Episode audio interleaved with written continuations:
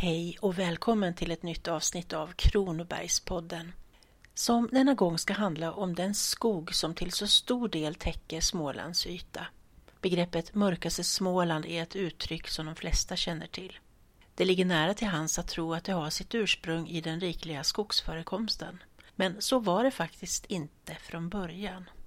Istället uppstod uttrycket på 1890-talet som ett politiskt slagord för att beskriva gammalkyrkligheten och det urkonservativa kulturklimatet i residensstaden Växjö.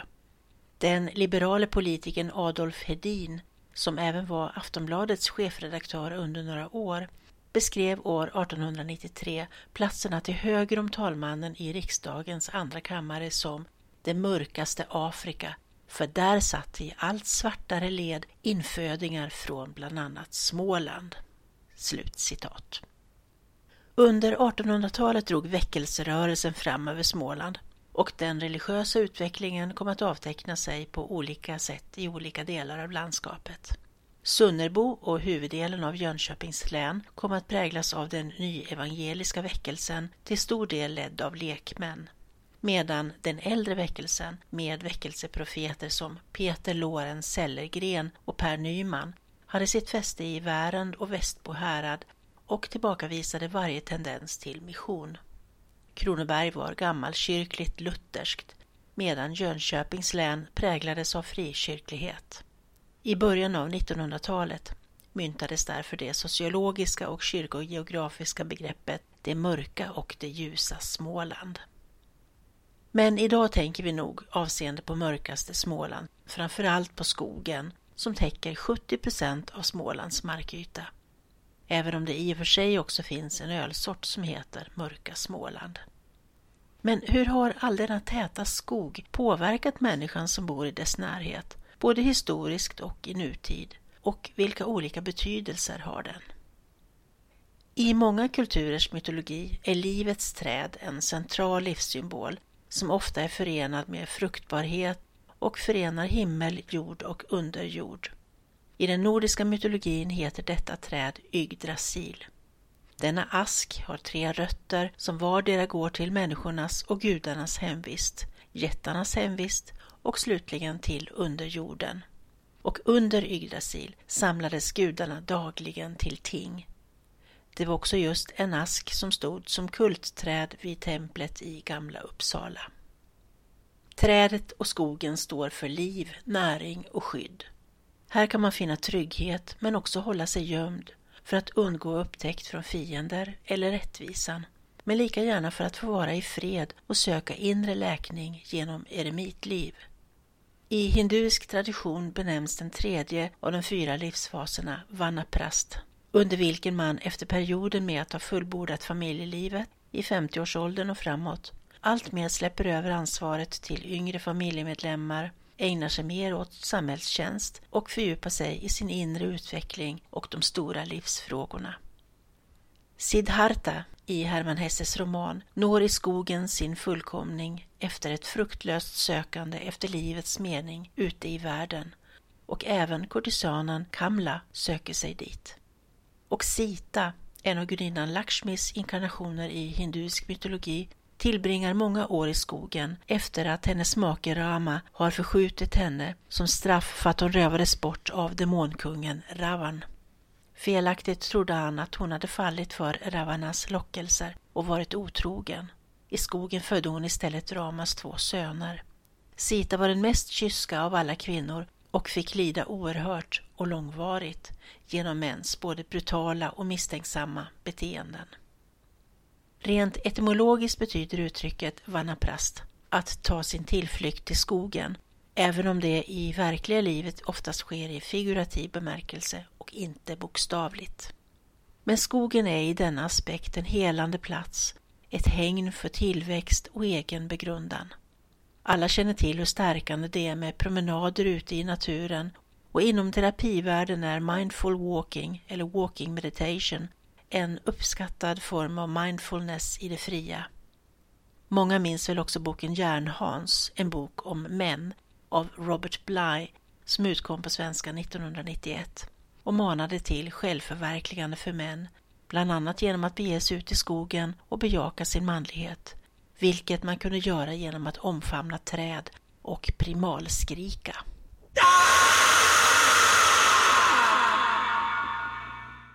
Men skogen har också varit både en bostad och ett gömställe för många genom tiderna. Till mellersta och norra Sverige flyttade så kallade skogsfinnar från 1500-talets slut och framåt i kolonisationssyfte. Som kompensation för att ny mark bröts upp och sveddes fick de några års skattelättnad från svenska kronan. Medan i Småland framförallt torpare och daglönare bosatte sig i skogen. Många som arbetade i de gamla brukssamhällena hade en daglig vandring på åtskilliga kilometer längs smala skogsvägar för att komma till sin arbetsplats. Och de allra fattigaste bodde i grottor eller backstugor delvis nedgrävda i vägen invid en berghäll eller i en skogsbacke. I boken Johannes och djävulen av Tommy Bergholtz kan man läsa den sanna berättelsen om smedjesällen Pampa Johannes som vistades såsom sinnessjuk på Växjö hospital på 1850-talet och efter utskrivning därifrån bodde i 13 år i en grotta i Blekingeskogen. Och den berömde mästertjuven Tullberg gömde sig undan rättvisan i en grotta i skogen mellan Älmhult och Traryd innan han blev mördad. Även Nils Dacke, som sammankallade en stor bondehär i trots mot Gustav Vasa och jagades som ett villebråd i ett halvårs tid innan också hans liv var till ända, sökte skydd i skogarna mellan Småland och Blekinge. Och hundra år senare var det snapphanar som gömde sig i de täta skogarna som skyddade sina invånare genom dels sin otillgänglighet men dels också genom den rådande folktron och respekten för det vilda som präglade allmänheten.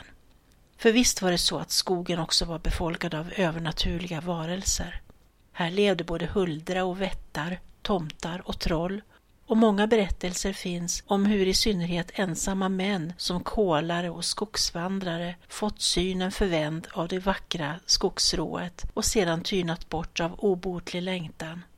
Eller unga kvinnor har blivit bergtagna av trollen eller fått sina små barn utbytta mot bortbytingar fula trollungar.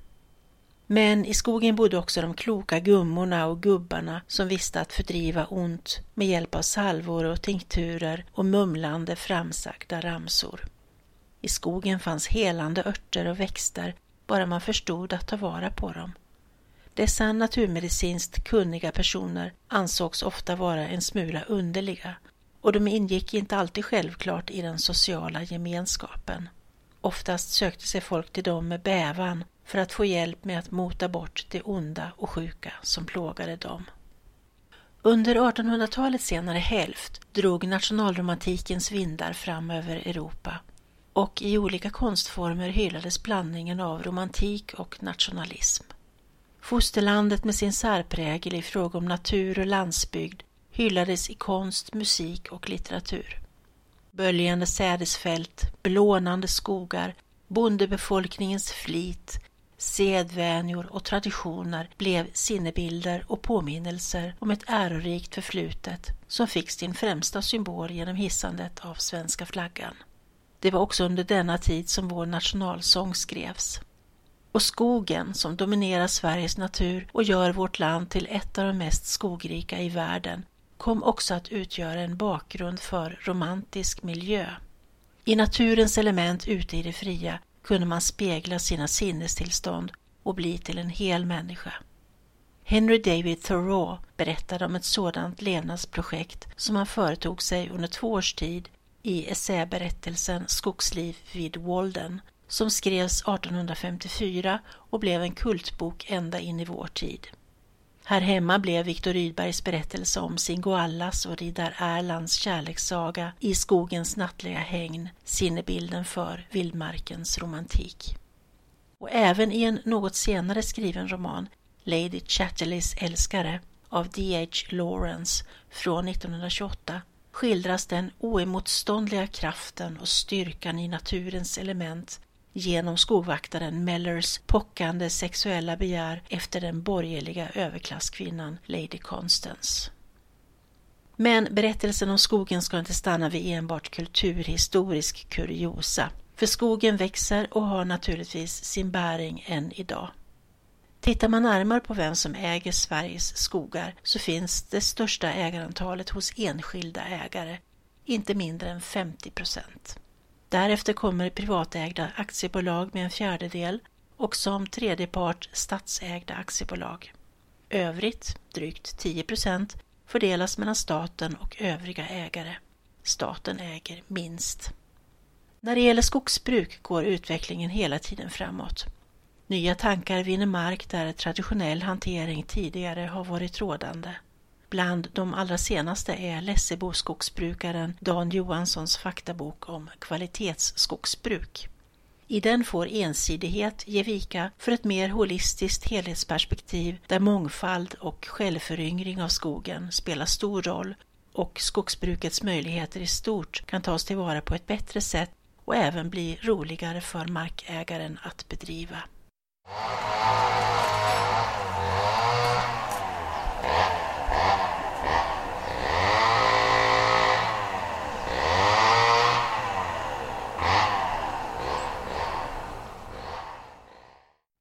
Skogen har helt naturligt ett värde som ekonomisk resurs, både virkesmässigt men också i turisthänseende.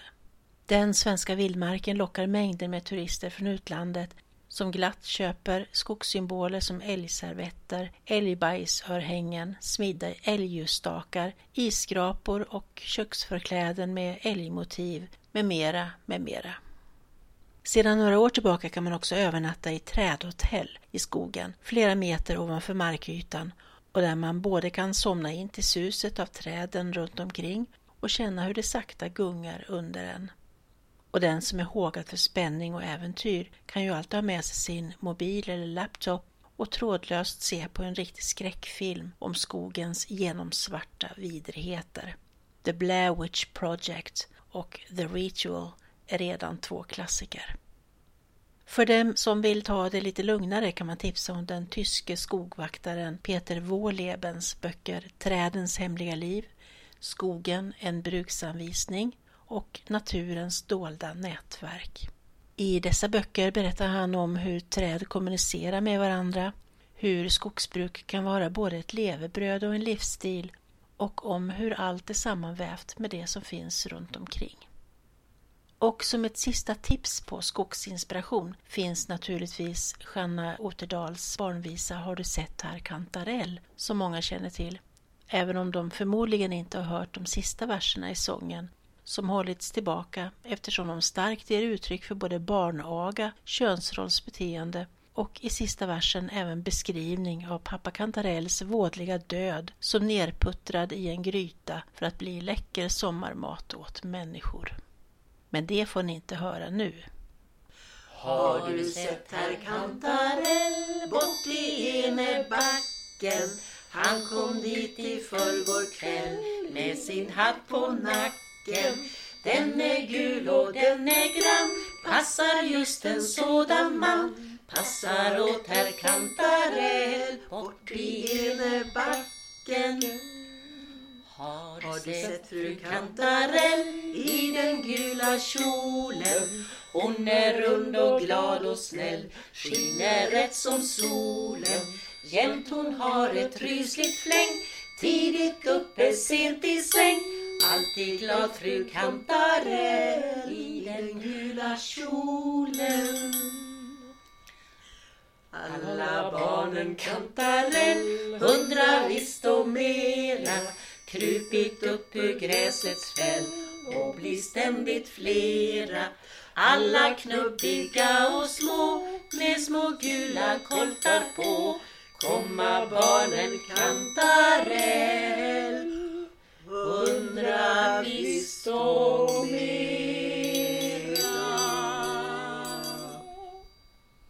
Ni har lyssnat till Ella Styv som är bibliotekarie på Växjö stadsbibliotek och gärna berättar om kuriosa som har anknytning till Kronobergs län. Allt material som jag har nämnt hittar ni på biblioteket. Tack för att ni har lyssnat. På återhörande. Hej då!